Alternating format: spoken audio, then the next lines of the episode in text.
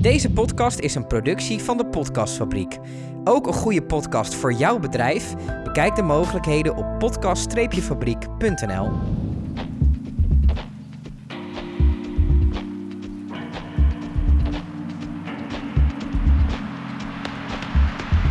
Welkom bij aflevering 2 van de SV Hoofddorp podcast. Vandaag bij mij aanwezig Benno Peperkamp. Welkom Benno. Ja, dankjewel. Uh, en Martijn Blijleven, ook welkom. Dankjewel. Um, misschien leuk om, uh, om even bij jullie beiden uh, na te gaan, want we gaan het vandaag hebben over de jeugdopleiding. Uh, hoe oud waren jullie dat jullie op voetbal gingen? Weet u het nog? nou, ik denk als ik voor mezelf spreek, is dat een jaar of acht, denk ik. Ja. ja ik zal een jaar of acht geweest zijn. Is dat jong? Uh, in die tijd wel, denk ik. Uh -huh. ja. En je ziet nu dat dat wat verschuift naar een jongere leeftijd. Zeker, zeker. Ja. ja. ja ik was inderdaad iets jonger. Ik ben ook iets jonger dan Benno. Dus uh, nee, ik denk een jaar of zes, zeven denk dat ik, uh, dat ik was. Bij SV Hoofddorp. En ben ja, inmiddels al meer dan 30 jaar lid daar dus. Was het een beetje een houdbare situatie? Of was het voor je zesde heel erg strijden met papa en mama van... Nou, ik wil nu toch echt wel... Eerst zwemlessen en daarna mocht ik voetballen. je, moest, je moest je A-diploma halen. Ja, en eerst dan, zwemles en toen mocht ik voetballen. Ja, dat was bij mij ook zo hoor. En uh, ik moet zeggen, dat was bij mijn kinderen ook zo toen die uiteindelijk bij SV Hoofddorp gingen. Dat is een soort standaard chantagemiddel van ouders uh, is dat. Ja, ja. ja. Uh, kan je dat nog herinneren? Je eerste voetballes, was je zenuwachtig of... Nou, dat is wel echt heel lang geleden nu hoor, waar je over praat. Maar uh, um, ik denk dat dat wel meeviel. Ik ging samen met een vriendje. Dat was de eerste, uh, mijn eerste voetbalervaring. Ja, bij mij was het... Uh, mijn vader is heel lang mijn eigen trainer geweest. Bij Hoofddorp was eigenlijk selectievoetbal pas vanaf de, de D'tjes toen de tijd. Dus toen was je twaalf. Ja, ik begon toen, toen ik zes was. Dus de eerste jaren was het gewoon met vriendjes in een team.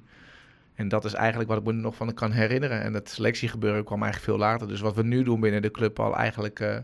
vanaf de onder 8 al, uh, al teampjes wat meer op, op niveau indelen. Dat, dat deden we toen nog helemaal niet. Was gewoon een beetje vrij en we zien Ja. het allemaal wel. Ja. Merk je dat uh, jongens steeds jonger voetbaltalent hebben? Nee, nee. Ik denk dat, dat dat niet het geval is. Ik denk wel dat het, uh, het niveau... Uh, ik denk sterker nog, ik denk dat het niveau wat achteruit aan het gaan is. En dat heeft vooral te maken met uh, de, de computer, noem ik het maar eventjes. Ze zijn steeds beter met voetballen op de computer, met FIFA. En we zien toch dat kinderen heel snel, uh, ja, dat ze eigenlijk... Vroeger leerde je gewoon heel veel op straat. Mhm. Mm -hmm. Je leerde ook heel veel voetbal op straat. Dus ik denk dat het niveau, uh, ik denk dat talent hetzelfde is. Maar ik denk dat uh, ja, de ontwikkeling van talent er anders uitziet. Doordat kinderen eigenlijk alleen nog maar binnen de voetbalclub echt veel voetballen. Ja, en daarbuiten is het toch vaak gewoon lekker FIFA spelen. Ja, ja nou zeker in deze tijd natuurlijk. Ja, maakt het ook allemaal wat lastiger. Uh, Laten we wel positief houden. Geen corona-podcast. Uh, maar goed punt inderdaad, denk ik. Um, kunnen jullie beiden iets vertellen over uh, welke functie je hebt binnen de club? En dan begin ik bij jou. Ja, dat is goed. Uh, mijn functie bij de club is hoofd voetbalzaken of bestuurslid voetbalzaken. En in die hoedanigheid heb ik een verantwoordelijkheid voor de ja, gehele opleiding. Van de onder acht tot en met het eerste elftal. Mm -hmm. Dus dat is vrij breed en we, we kijken er vooral naar vanuit, uh, vanuit beleid. Um, ik zorg dus vooral voor de, voor de financiering bijvoorbeeld, uh, maar ook voor het aansturen van de hele staf. Nou, ik ben hoofdjeugdopleiding en uh, ik zit eigenlijk voornamelijk in de uitvoerende kant, het voetbaltechnische geheel. Mm -hmm. Dus nou ja, samen met de overige TSC-leden, we zijn met een groepje, waar ik dan eigenlijk de leiding over heb. En daarmee uh, proberen we alle trainers aan te sturen en uh, nou, het, het, het, voetbalbeleid van de vereniging uh, op papier vast te leggen en zorgen dat ook op, de, op het veld uitgevoerd wordt. Ik denk, jij zegt net, ik ben als jong jochie begonnen bij SV Hoofddorp. Dus ik ga ervan uit dat je het naar je zin hebt als je daar zo lang... Ja, ik heb het uiteraard naar mijn zin. Ik ben, ben wel een jaartje of drie weg geweest Mhm. mm -hmm. om mijn werkzaamheden bij de KNVB te, te doen. Uh, maar ik denk dat het ook best wel eens goed is om in een andere keuken te kijken. Mm -hmm. Maar uiteindelijk uh, teruggekeerd. En uh, ik denk, nou, toen met Benno in gesprek gekomen om in deze rol terug te keren. En nou, Benno had al heel duidelijk voor ogen hoe hij het wilde hebben. En dat ja, was helemaal in mijn straatje. Dus met heel veel plezier weer teruggekeerd, ja. Wat maakt jullie onderscheidend? Ik denk dat wij onderscheidend zijn omdat, ehm, nou, je ziet eigenlijk heel veel clubs kiezen ervoor om vooral uh, van heel ver talent te halen. Dus soms echt wel van 30, 40 kilometer ver weg. En wij hebben gezegd, dat willen we niet. -hmm. Wij willen eigenlijk de club zijn in de Haarlemmermeer voor de talentvolle voetballetjes binnen de Haarlemmermeer. Dus niet verder dan dat. Mm -hmm. ja, of, of, uh, of, een heel klein stukje daarbuiten. Ja, een heel klein stukje daarbuiten. Wat is een heel klein stukje? Nou, laten we zeggen, een klein stukje over de ringvaart. Uh, ja, okay. Heemstede, misschien Lisse, maar niet veel verder dan dat. Nee.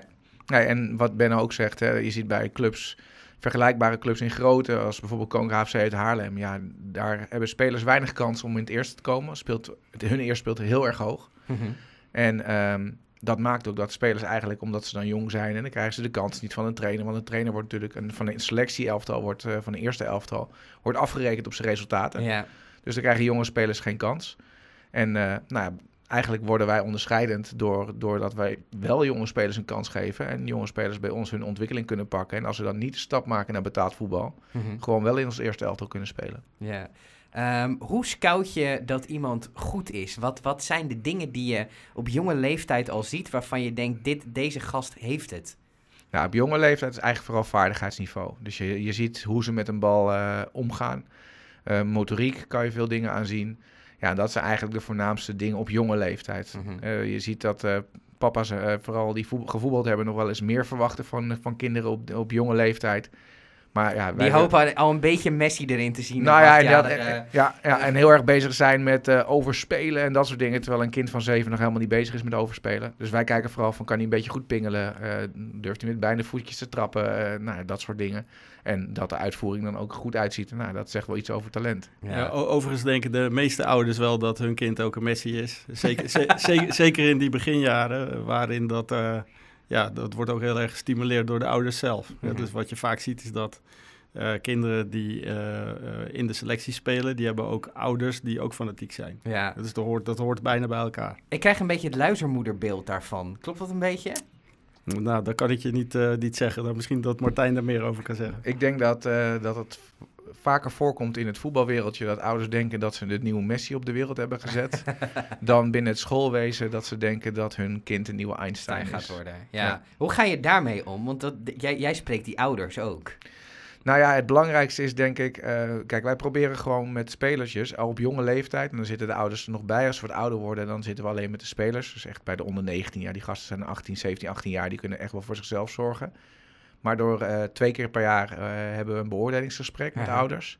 binnen de selectie. En twee keer per jaar is er een, eh, ja, een popgesprek. Dus Mhm. eigenlijk veel meer vanuit het kind gericht.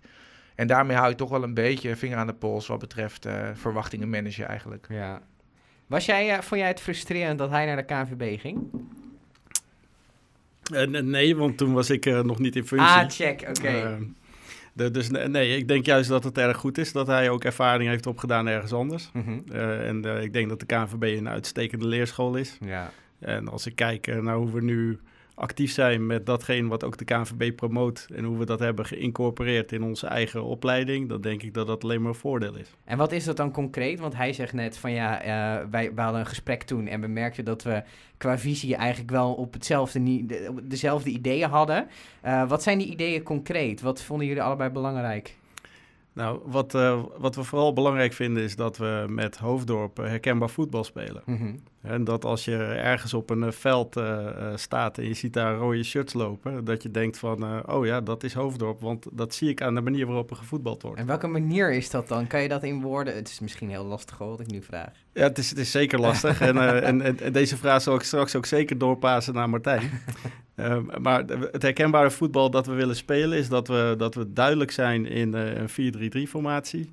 Eh, dat we aanvallend voetbal spelen en eh, dat we de bal willen hebben en kort druk zetten. Dat is denk ik eh, even vanuit mijn perspectief ja, datgene wat we graag willen zien. En dat willen we eigenlijk terugzien ja, van de jongste jeugd tot en met het eerste elftal. Dat het herkenbaar is. Ja, dat is denk ik ook vooral eh, wat mij heeft getriggerd in het verhaal van Benno destijds. Voor de periode dat Benno deze rol had, gebeurde het eigenlijk nog wel zeer regelmatig dat eh, de trainer van het eerste gewoon bepaalde welke spelers kwamen. Mhm. En eh, nou, dat kwam er weer een, eh, een blik nieuwe spelers. En eigenlijk zag je een onherkenbaar elftal. En ja, wat mij triggerde, vooral triggerde om te zeggen: ik wil deze rol oppakken, is dat Benno eigenlijk vanaf minuut 1 heeft gezegd: we gaan niet in één keer die stap kunnen maken naar een elftal volledig bestaande uit jongens van Hoofddorp. Maar dat is wel de intentie. Ja. En ik denk dat dat, eh, dat, dat een hele goede insteek is. Want dan heeft je opleiding ook zin. Ja. Als je opleidt, terwijl je vervolgens in het eerste elftal alleen maar nieuwe eh, vreemde jongens ziet lopen. Ja, voor wie laat je dan op? Dan op, ja, wie help je dan? Ja. Ja. Ehm, jullie hebben, jij kwam terug van de KNVB, dan neem je ook connecties mee, denk ik. Ja, nou ja, tuurlijk. Kijk, uiteindelijk als je kijkt binnen de, binnen de staf van Hoofddorp, qua trainers, zijn er zeker trainers die, eh, ja, die mee zijn gekomen of die ik eh, via mijn connecties zo binnen de club heb gekregen. En vaak waren dat dan al wel weer gasten die ja, ook uit de regio kwamen, want dat vinden we ook wel belangrijk. Er moet wel een binding zijn met de vereniging. Ze moeten de naam e- wel een keer gehoord hebben voordat ze aan de bak gaan. zeg Ja, ja. Ja, het moet gewoon zo zijn dat je... Je ziet vaak het, eh, eh, dat trainers hun vak dan uitoefenen... maar het vervolgens ook leuk vinden om even bij een collega te blijven kijken. Hè? Dus ik ben trainer van de onder 13... En, eh, maar ik blijf daarna lekker nog even bij, de, bij mijn collega's van onder 14 kijken. Mhm. Eh, want dan houd je het gesprek ook met elkaar op gang. Ja. En ik denk dat je elkaar eh, daardoor alleen maar versterkt. Mhm. En als je een trainer hebt die komt van ver en die komt even zijn team begeleiden en die gaat dan weer weg. Ja, dan, dan, dan ben je een eenling binnen de organisatie. En wij willen juist heel veel ja, dwarsverbindingen leggen. Ja. Wat maakt jouw werk zo mooi? Ehm, ambitie. Eh, dat is eh, dat we bezig zijn om te bouwen. Mhm. Ik vind het zelf leuk om te bouwen, te bouwen aan organisaties. En dat is wat, eh, wat ik hier ook aan het doen ben. Ehm, we hebben ook een mooie, mooie nulmeting hebben we ooit neergelegd. Dat is een, een certificering. Dat was een regionale certificering van de KNVB. Dat was eigenlijk een soort onafhankelijke toets om vast te stellen waar je staat. En Mhm. dan moet je op een heleboel punten word je, word je geaudit. En toen ik begon ook in deze rol als hoofdvoetbalzaken, eh, was dat voor mij ook een soort startpunt. Mhm. En eh, sindsdien zijn we eigenlijk aan het bouwen en zijn we ook eh, op die punten aan het verbeteren. Mhm. En of dat nu gaat over de kwalificaties van onze trainers of de, de, de certificering van de trainers of de, eh, de, de mogelijkheden die we hebben op het gebied van videoanalyse. Ja, al dat soort zaken zijn we aan het doorvoeren, ook op basis van die onafhankelijke audit. Om hem steeds professioneler te trekken. S- Steeds professioneler en ik denk dat we daar aardig in aan het slagen zijn. Als je kijkt naar de allereerste keer dat we gecertificeerd zijn, moesten we toch ook nog een aantal wildcards inzetten.